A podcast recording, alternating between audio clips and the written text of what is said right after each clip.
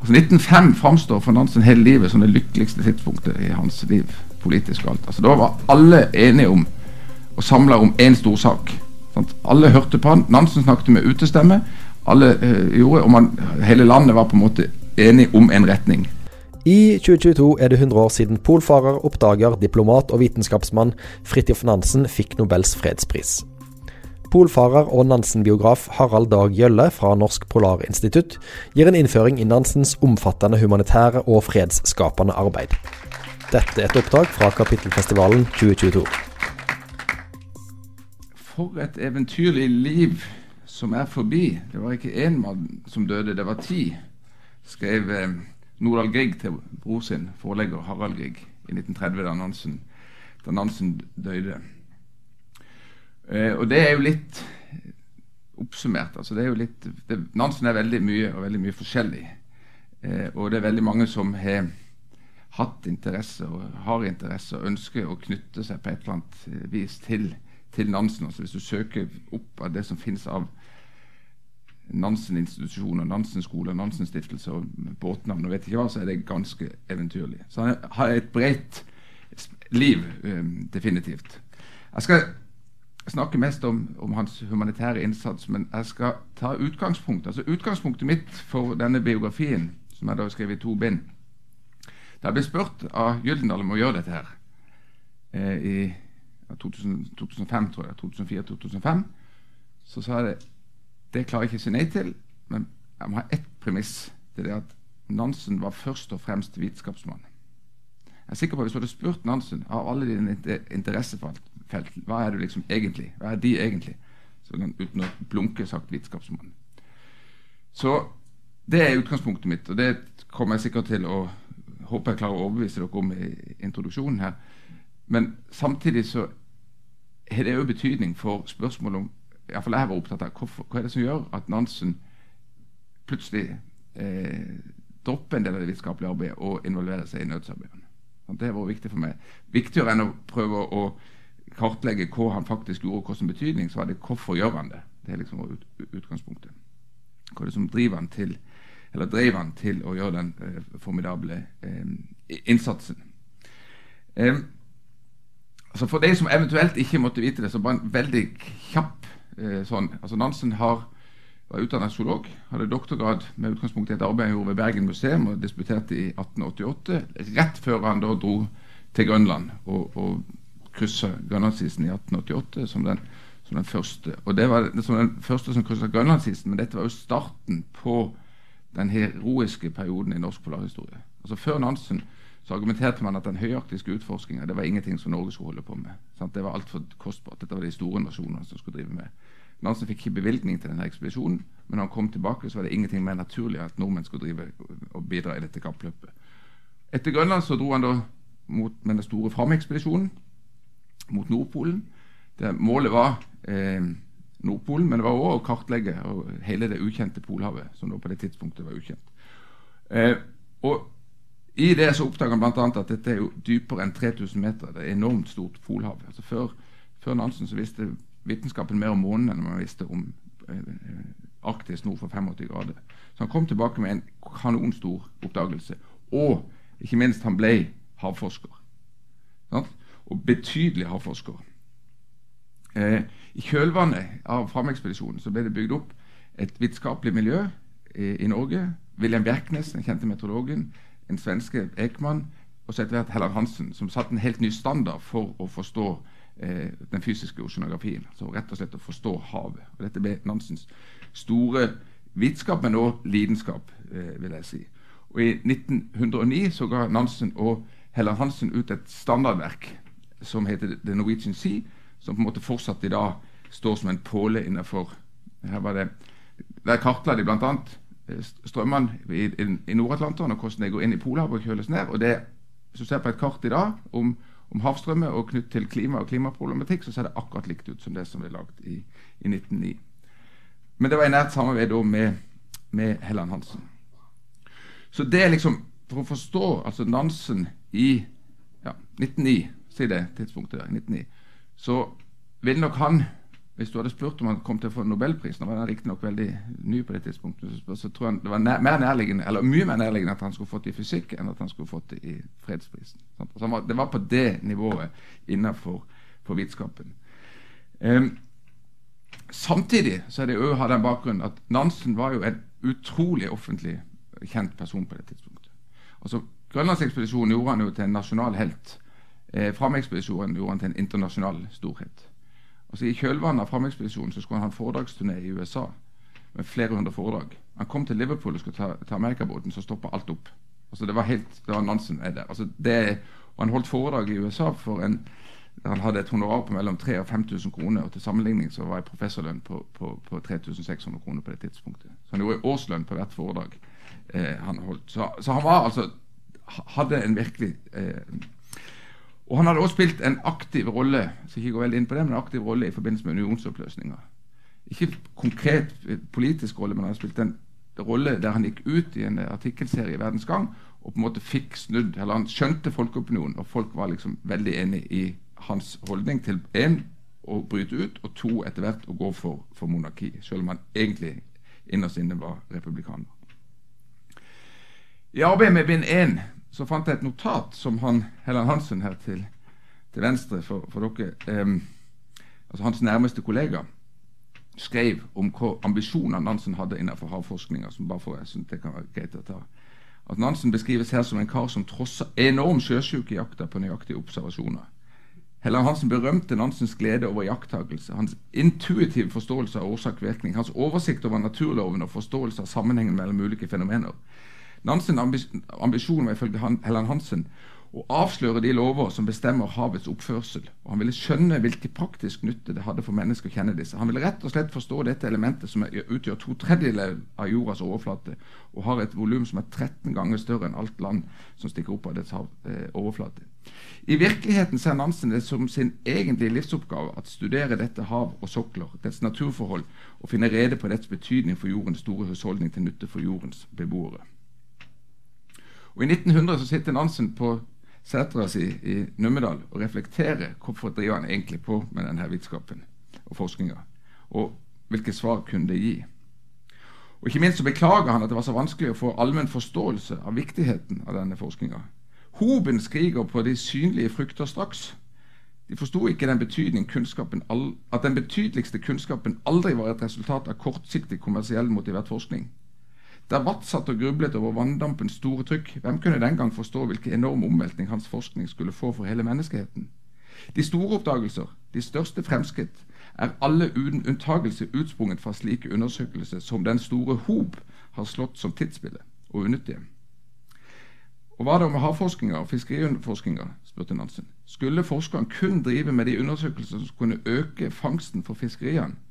Hoben ønsket gull, men det måtte ikke være økonomenes rovdrift som skulle være det styrende tankegangen. Målet måtte snarere være å kjenne havets utstrekking, oppbygging og yteevne for å kunne forstå hvor mye som kunne høstes. Og hvem kunne vite? Kanskje en grunnleggende forståelse av havet en dag ville gjøre at forskerne fant metoder som økte havets yteevne. Framskritt er ikke et resultat av en rekke nyttige studier. Hvor hadde vi vært all, uh, uten all denne unyttige forskningen, spurte Nansen retorisk. Mennesker hadde gått rundt i urskogen kledd i skinnklær og slått hverandre i hjel med steiner istedenfor med kanoner. Jeg sier ikke at jeg ville være ulykkeligere eller mindre tilfreds, men ville Hoben vært tilfreds dermed? Nansen var da ganske samtidig ganske sikker på at han jobba med gåter og problemstillinger som det var viktig å finne svar på. Og Han søkte da etter en grunnleggende ny forståelse av havet, intet mindre. Kanskje var det til gang for menneskeheten, kanskje ikke. Uansett, du gjør din gjerning, mann, fordi du må. Og En dag var det kanskje nettopp denne kunnskapen om temperaturene, om strømforholdene, om saltgehalten og havbunnen som gjorde at forskerne så klart noe som nå virker så uforståelig. Og kanskje folk flest en dag ser nytten av denne forskninga og setter pris på citat, at vi kjenner årsakene til vekslingen i jordens klimater, skrev han i dagboka i 1900. Og Ambisjonene jeg har sikkert fått det fram nå, var det at de virkelig skulle de hadde gitt ut den her Norwegian Sea.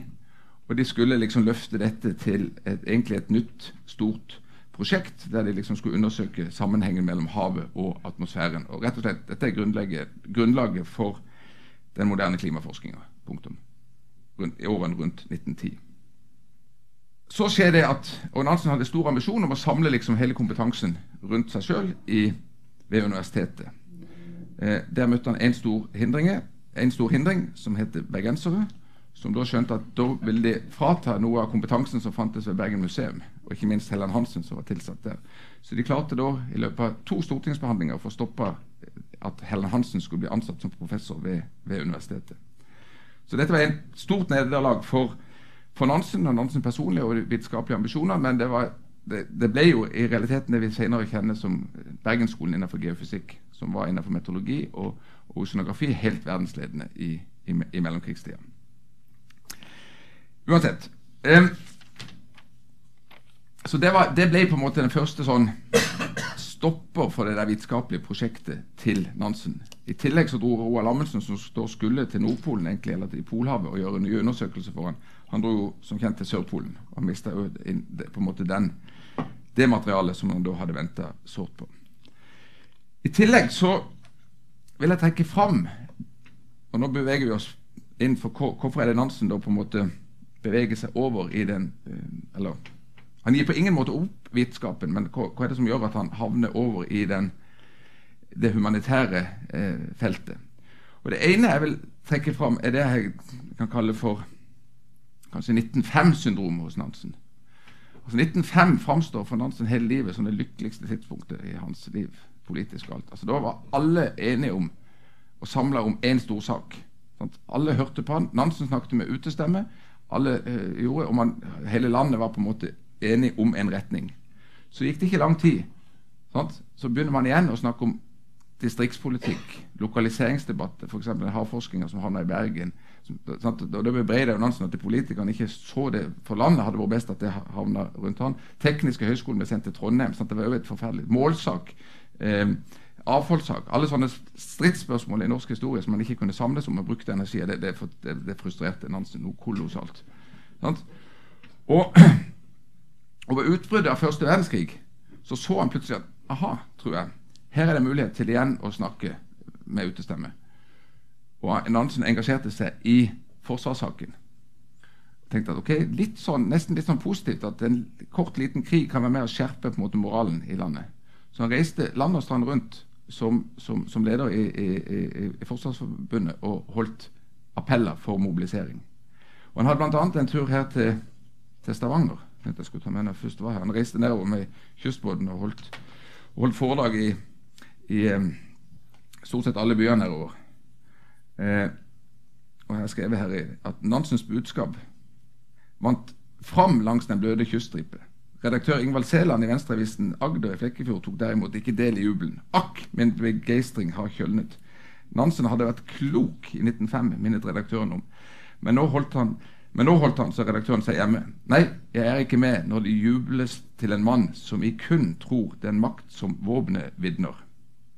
Søsteravisen Stavanger Aftenblad var derimot overbevist om at Nansens budskap Han var ikke veltalende i ordets sedvanlige betydning. Um, han brukte ikke sin lyriske evne til at henrive forsamlingen.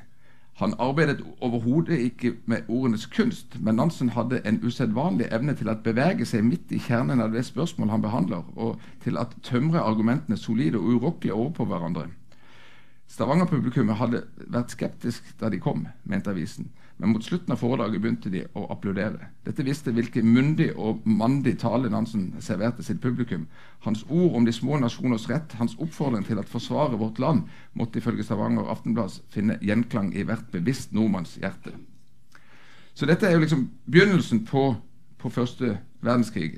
Resulterer i første omgang hos Nansen på en sånn tanke om at her er det viktig å samle nasjonen. Krisetider så må man må man, eh, må man eh, samles eh, om en stor ting, og, og det så han som, som forsvarssaken primært, og reiste der.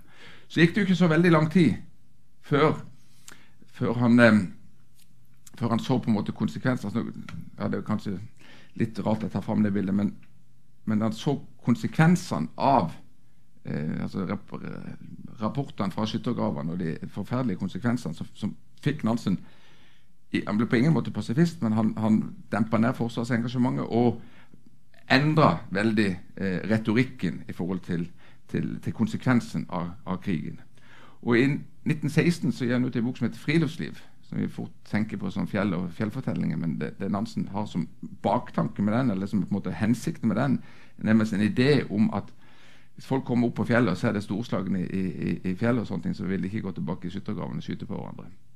Og han, og han skriver det eh, ja, så, så, det er liksom tanken med det. I en plass, eh, i et utkast til en, til en, eh, til en eh, eh, artikkel som, som var beregna for den amerikanske utgaven av Friluftsliv, så går han veldig langt i, i nettopp det. Altså argumentet at hvis man kommer opp i fjellheimen og får sett på storheten, så, så, um, så, så, skriver han folk som kjenner denne jords herligheter, som vi ser den her, skriver han fra toppen av et fjell i, i, i Lake Place City.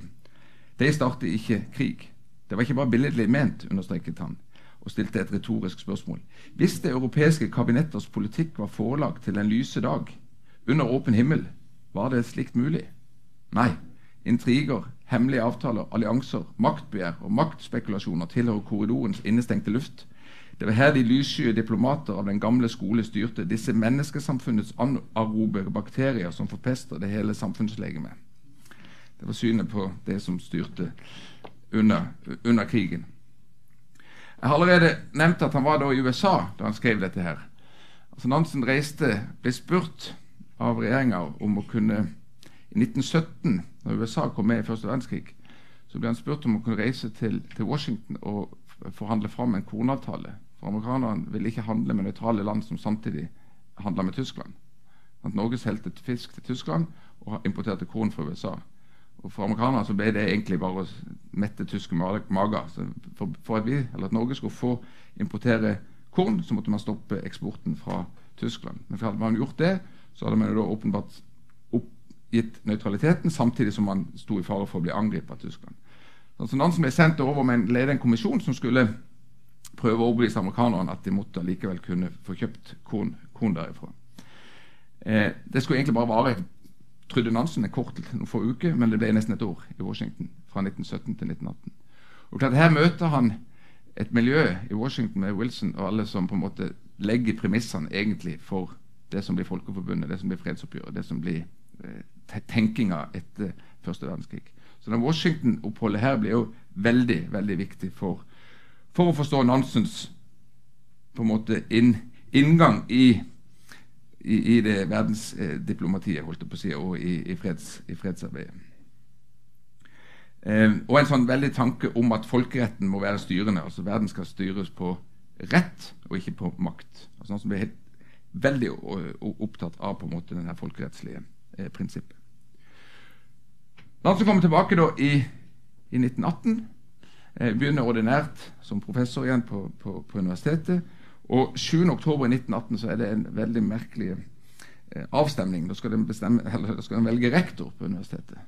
Eh, og så Midt under valget så kommer det opp en som foreslår at jeg ville foreslå Nansen.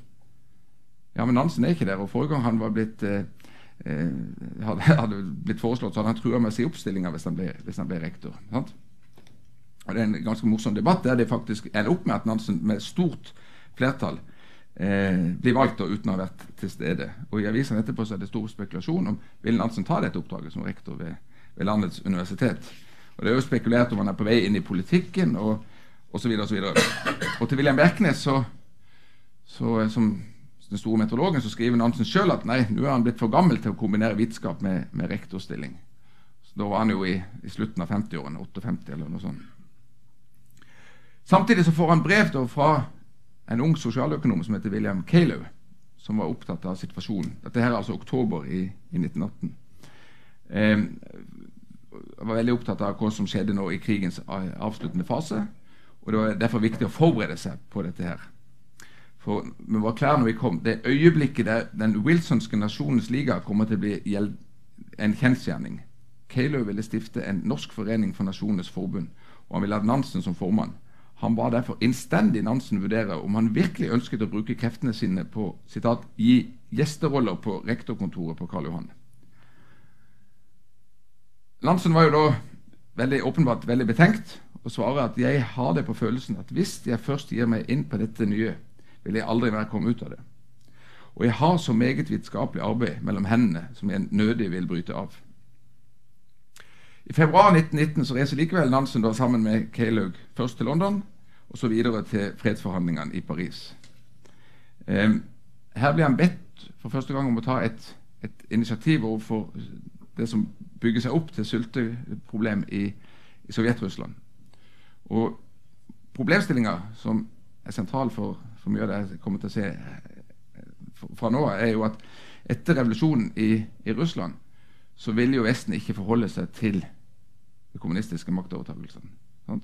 Og tilsvarende, bolsjevikene vil ikke anerkjenne eh, type Folkeforbundet. Så det var mistillit der, men det var noen som fant ut at kanskje hvis vi sender Nansen, som hadde en enorm standing i, i, i Russland og, så Nansen hadde direkte korrespondanse eller forsøkte å få eh, direkte forbindelse med Lenin for å komme til Moskva, og at det liksom skulle gå gjennom Nansen og ikke Folkeforbundet. Men det første forsøket da i, i, eh, i 1919 ble ganske fort eh, gjennomskua av, av russerne, at dette egentlig var en kamuflering og misbruk av Nansens navn, og avslått. Og, og Nansen reiste da, reiste da hjem igjen. Eh, så ble han da spurt litt senere om han kunne ta på seg et år senere, i 1920, om han kunne ta på seg et stort arbeid med å hjemsending av krigsfanger. Sant? Det sto enormt med, med, med krigsfanger på begge sider etter, etter krigen.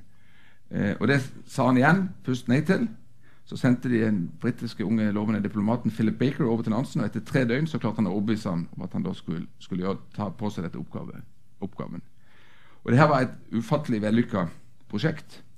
Altså Nesten en halv million krigsfanger ble da, eller 400 og et eller annet tusen ble da sendt til sine respektive land eh, under dette her, under dette her pro prosjektet.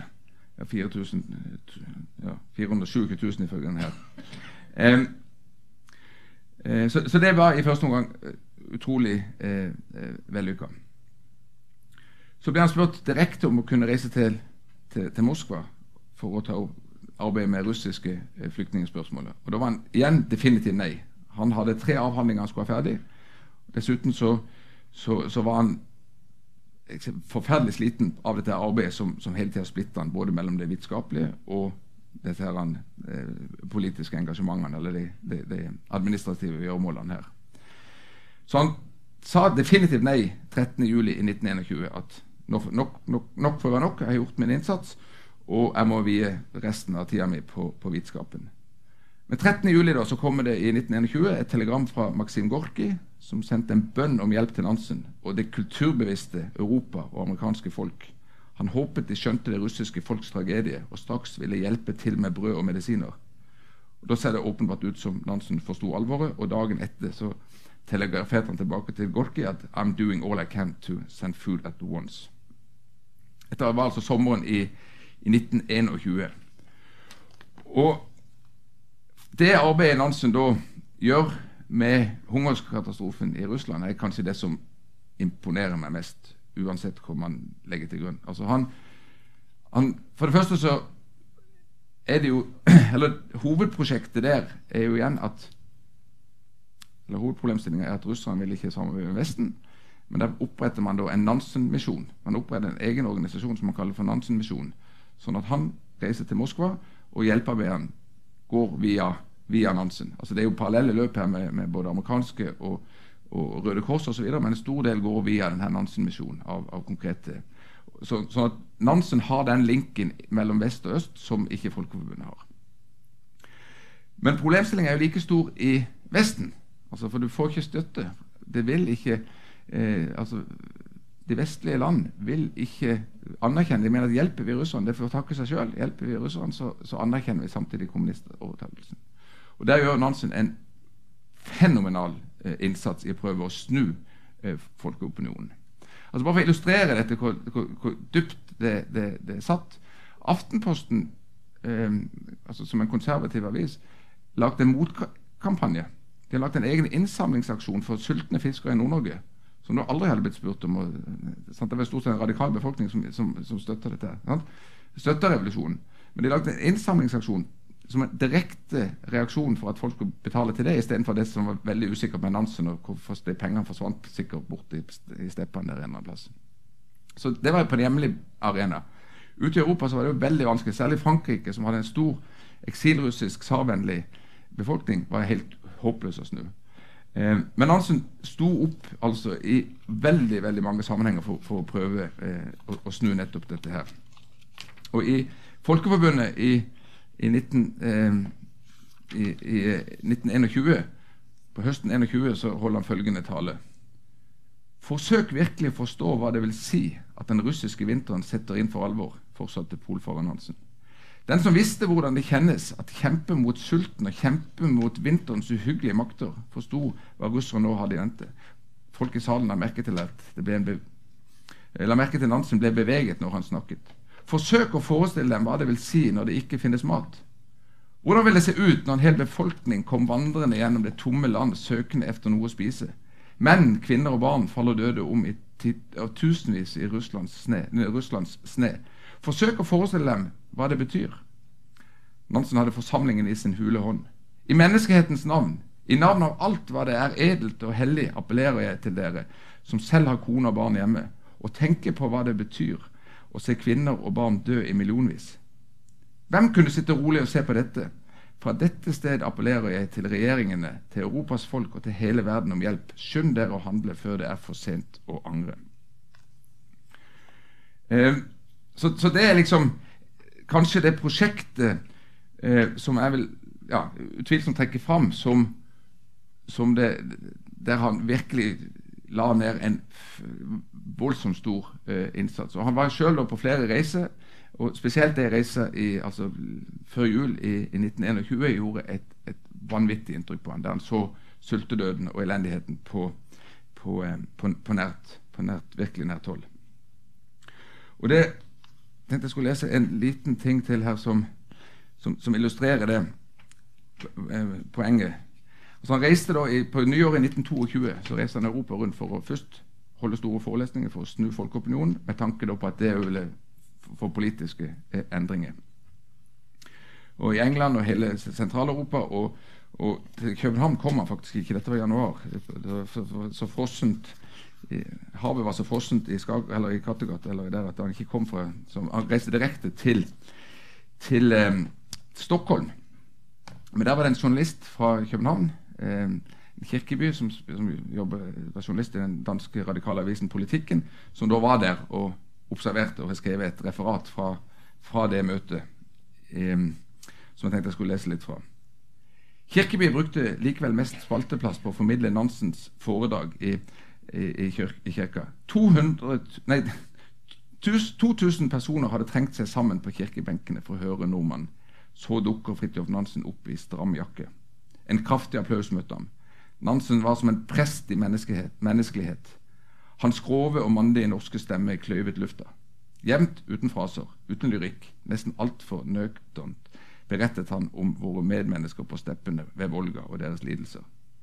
Kirkeby hadde lest om dette foredraget i tyske, engelske, franske aviser og hadde fått med seg talløse intervjuer med Nansen.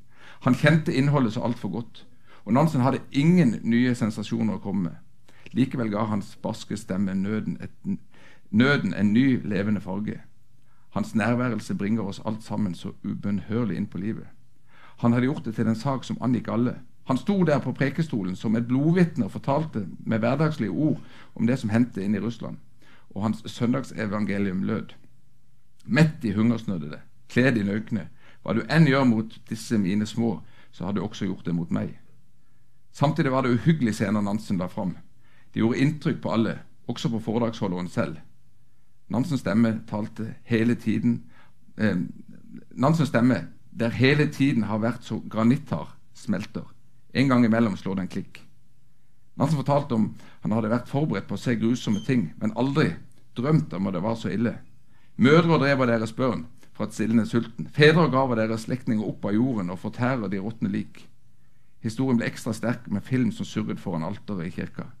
Vi ser dem flimre gjennom våre tårer og slør. En kvinne ved siden av meg hulker. En annen eh, vender seg bort og vil ikke se. Her i salen er det stort uro når det er en følsom sjel besvimer. Til slutt så Nansen på klokka. Toget skulle gå om seks minutter. Men han hadde mer på hjertet. Jeg sier det nå, og jeg vil blive med å si det. Aldri vil jeg glemme disse russiske børns dødens fortvilede øyer. Frels Russland! Hele kirka reiste seg. En veldig applaus fulgte ham til døra.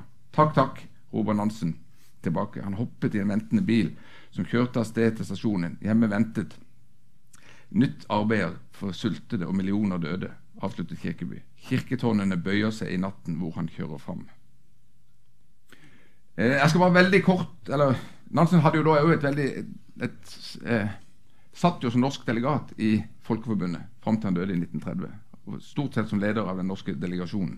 Sånn, sånn, hvis du tenker det tilsvarer en, en FN-minister, holdt jeg på å si det. Så, så, han hadde en veldig sentral rolle inn på arbeidet som, som gikk der, både folkerettslig og ting som fikk eh, fått lange konsekvenser, juridiske konsekvenser. Blant annet så var han jo høykommisjonær for, for flyktninger. Eh, og gjorde jo da en, en, en, stor innsats både når det gjaldt eh, flyktningsituasjonen i Lille Asia, altså mellom, etter krigen mellom, Tysk, nei, mellom eh, Hellas og, og, og, Tyrkia, og de enorme folkeforflytningene der. Eh, og et livslangt prosjekt for, for de armenske flyktningene. Eh, prøver å hjemsendelse av, av armenske flyktninger. Og det er kanskje det som materialiserte seg, eller som ble viktigst for enkeltskjebne, var jo det såkalte Nansen-passet. Altså han oppretta et dokument under hans ledelse som gjorde at folk som hadde da flykta fra området, som de ikke kunne vende tilbake til, og ikke dermed hadde papirer og var da statsløse flyktninger, kunne da få et, et dokument i regi av Folkeforbundet som fikk nans, eh, navnet Nansen-passet, som ga, på individnivå ga folk eh, folkerettslige eh, rettigheter. Så du kunne reise fra land til land, og du kunne vende tilbake til, til landet der du, der, du, der du, kom fra. Eh, i 29.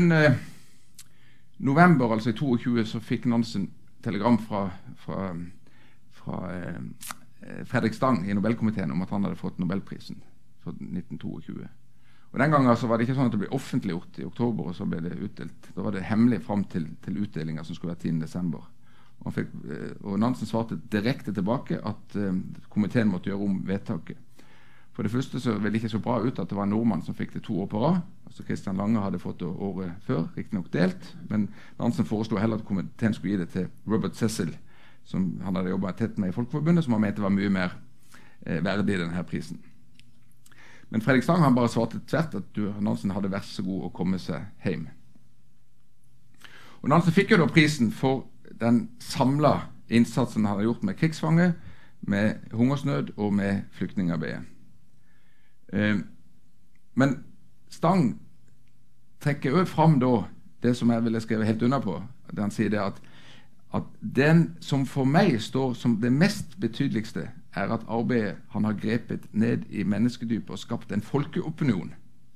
Sånn? Nansen hadde stått opp, han hadde raget over alle smålige hensyn, og han snakka til, til eh, for å, å, snakka ut for å lindre menneskehetens lidelse etter den fryktelige krigen. For dette er det vi har gitt ham prisen. Så det er jo det er todelt begrunnelse. Det ene er jo for de konkrete tingene han har gjort, det han utretter, men ikke minst er det for at han har skapt en, en, en folkeopinion og snakka ut om at folk må handle. Og hele budskapet til Nansen var jo at når du ser noen drukne, så begynner du med å plukke dem opp før du begynner å diskutere politikk. Det var liksom basisen. Samtidig så takka jo Nansen høflig for for prisen, men han beklager seg jo samtidig at um, det kom jo litt ubeleilig, for nå har han tenkt å gi seg, for nå skal han tilbake til vitskapen. Eh, men nå følte han liksom at det var forpliktelse. Det var veldig store eh, penger han måtte bruke. og sånt, og at han, at han, Når jeg nå står her i dag, kan jeg ikke nekte at jeg hadde håpet at jeg kunne vende tilbake til min vitskap, sier han da under eh, seremonien 10.12. Problemet var at prisen nagla meg fast til det arbeidet jeg har begynt, og han lova derfor at han skulle fortsette fredsarbeidet og gjøre alt som sto i hans makt for å se at de midlene jeg har mottatt, blir brukt best mulig til fremme for vårt formål. Så er jo spørsmålet mitt for så vidt, er dette bare kokettering. Altså Noen som driver hele tida med det ja, jeg skulle egentlig drevet med vitenskap. ikke eller sånn og sånn. Og I tidligere framstillinger, tidligere biografiske framstillinger så er det en tendens til å si at eh, Nansen var trøtt av vitenskapen, bla, bla, bla, og han lette etter nye meninger med livet, og dette passer bra, og hadde ambisjoner om en aktør på den internasjonale arena. Det deler ikke jeg, det, det synet. Så Nansen stoppa aldri å forske. Altså, jeg har lest dagbøkene og notisbøkene mens han reiser Europa på kryss og tvers rundt omkring. Og alt det fredsarbeidet må jo ha altså, enorm tid på dette. her så er han samtidig så notatet om geologiske forhold som man ser ut av togvinduet, og, og, sånn og sånn. Og svære, altså, og samme dag som han fikk telegrammet fra Fredrik Stang om at han hadde fått Nobelprisen, så var jeg 313 sides eh, manus ferdig og kom sendt fra trykkeriet om en, en, en, en geologisk avhandling som han hadde publisert om, om strandlinja og strandflata eh, som han da publiserer samtidig som han, han, han får det. Altså han hadde drøfta dannelsen av kontinentalhullen i havet, skrevet om jordskorpas likevekt og diskutert når geologisk ti strandflater langs norskekysten var blitt danna. Og nå lå dette ferdig som en avhandling. Og mens da, fra 10.12., han, han eh, eh, altså får dette 10.12. og skal holde nobelforedraget 14.12., så retter han opp korrekturen og skriver da forordet til denne her avhandlinga. Og sier riktignok at forskjellige omstendigheter som han ikke hadde kontroll over, hadde gjort at dette arbeidet ble litt, litt utsatt. Eh, samtidig så sender han et, brev til sin gode venn Helen Hansen og så sier at jeg har klart å skyve på, på den neste Russland-reisa mi, så vi får 14 dager vi kan jobbe sammen med å ta opp Atlanterhavsvannundersøkelsene fra 1914. og begynne å jobbe med det. Så, så Poenget mitt er at Nansen jobber parallelt med vitenskap hele tida. Og det er helt åpenbart at den spenninga han ga uttrykk for, det var ikke kokettering. det var et, Han virkelig følte at, Hva skal jeg egentlig bruke kreftene mine på? Eh, på slutten, eller I denne her perioden så skrev han Nansen en roman. En veldig dårlig roman. Og jeg tror for hans ettermæle at det er bra at den aldri blir publisert. Eh, men det handler om en bjørnejeger som møtte en kvinne i skogen. Og Her er litt av karakterbeskrivelsen. Um, hun målte ham. Denne spenstige kroppen hvor hver bevegelse var behersket, som et godt trimmet skute hvor det ikke et eneste tauende slenger. Dette store hodet som satt på, så sikkert på den kraftige halsen og de sterke skuldrene, dette intelligente, men værbitte, magre ansiktet med den høye, tankefulle panne og så disse underlige blågrå øynene som kunne være så intenst nærværende og så langt fraværende som, det, som om noe de så langt forut. Eh, I denne romanen så er det mye dialog og lite eh, framdrift. Dem blir jeg vanskelig klok på. Det er som det er to mennesker i dem, sier hun til han. De er en av tidens menn som jeg har fulgt med interesse, om enn på avstand. Men jeg må tilstå, de har ofte skuffet meg. Hun viste til at eh, han hadde gjort store ting innenfor vitenskapen, men hadde ikke forutsetninger for å vite hva. Derimot så hadde hun oversikt over hans offentlige opptreden. De står opp og sa de rette ord til rett tid, og det står gny om deres navn. Og vi mente i dem at vi så føreren som kunne lede oss ut av uføret. Men så sviktet de alltid. Forsvant. Gud vet hvor hen, like brått som de kom. Han. Si ikke det. De tror for meget om meg. Visstnok kommer det vel over meg en trang til å skrike ut men når synes, og ting synes å bli for galt. Men jeg er ingen fører i døgnets kamp. Det duger jeg ikke til. Og det er ikke mitt virke. Dessuten hadde han andre oppgaver jeg umulig kan svikte. Og jeg har det, denne last som heter arbeidslidenskap. Og man trenger ikke være litteraturforsker eh, for å tolke innholdet i denne romanen. Eh, I hvert fall ikke fordi han lagde jo en disposisjon, eller en, en lite synopsis, der det sto hva, 'Hva vil jeg?' Mannen i fortellinga skulle være en forsker som jobbet med store problemstillinger. Han var grepet av det ukjentes makt. Han kjente stor glede ved dette arbeidet. Det var en ubeskrivelig opplevelse når et problem har grepet en og aldri gir fred. Det er spenningen, nydelsen, vellysten til å trenge inn i det ubetrådte, trekke sløret fra det ukjente, skinte nye kyster foran seg. Det var lidenskapen, og det var det som drev ham, ikke ideen om at han gjorde noe nyttig. Hun forsto ikke denne lidenskapen. Hun forsto i hvert fall ikke at han kunne velge vitenskapen framfor viktige samfunnsoppgaver.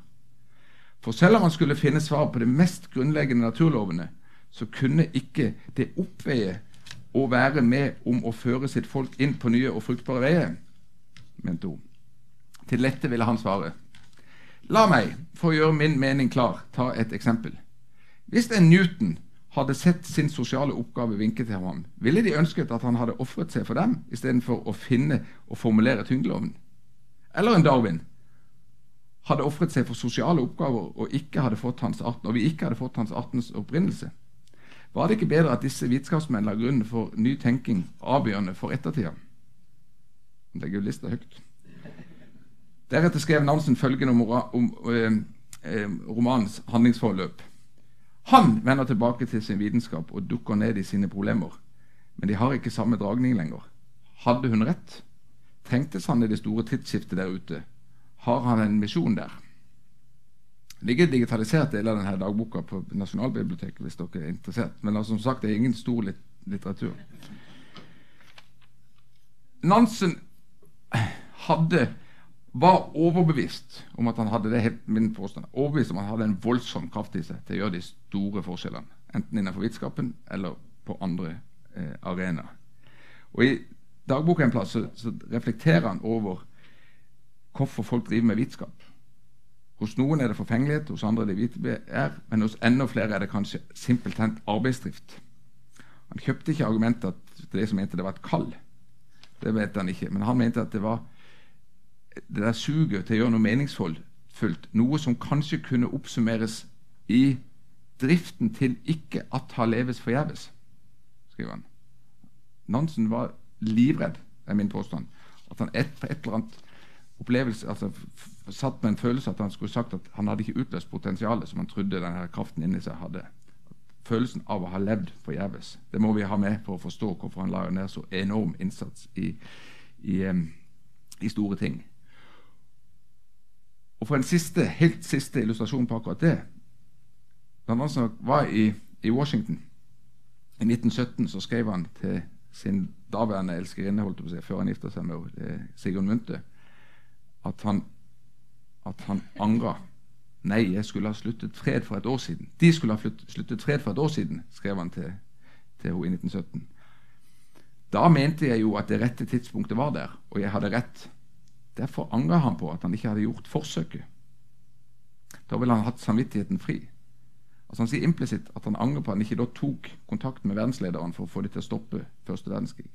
Jeg er jo innbilsk, vet du, fortsatte han til Sigrun, og full av selvovervurderinger, men det er en forbannelse å ha følelsen av evnene og så ikke kunne bruke dem. Han stilte videre spørsmålet skulle han forsøke å ta ansvaret og gjøre noe som virkelig betydde noe for verdensfreden, eller skulle han gå tilbake til arbeidet sitt, et ordentlig arbeid, vitenskapen som han hadde reist fra i hu og hast. Situasjonen er fortvilende. Tida gikk fra ham, det kostbare livet som ikke kom tilbake. Du har brukt tida mi. Takk.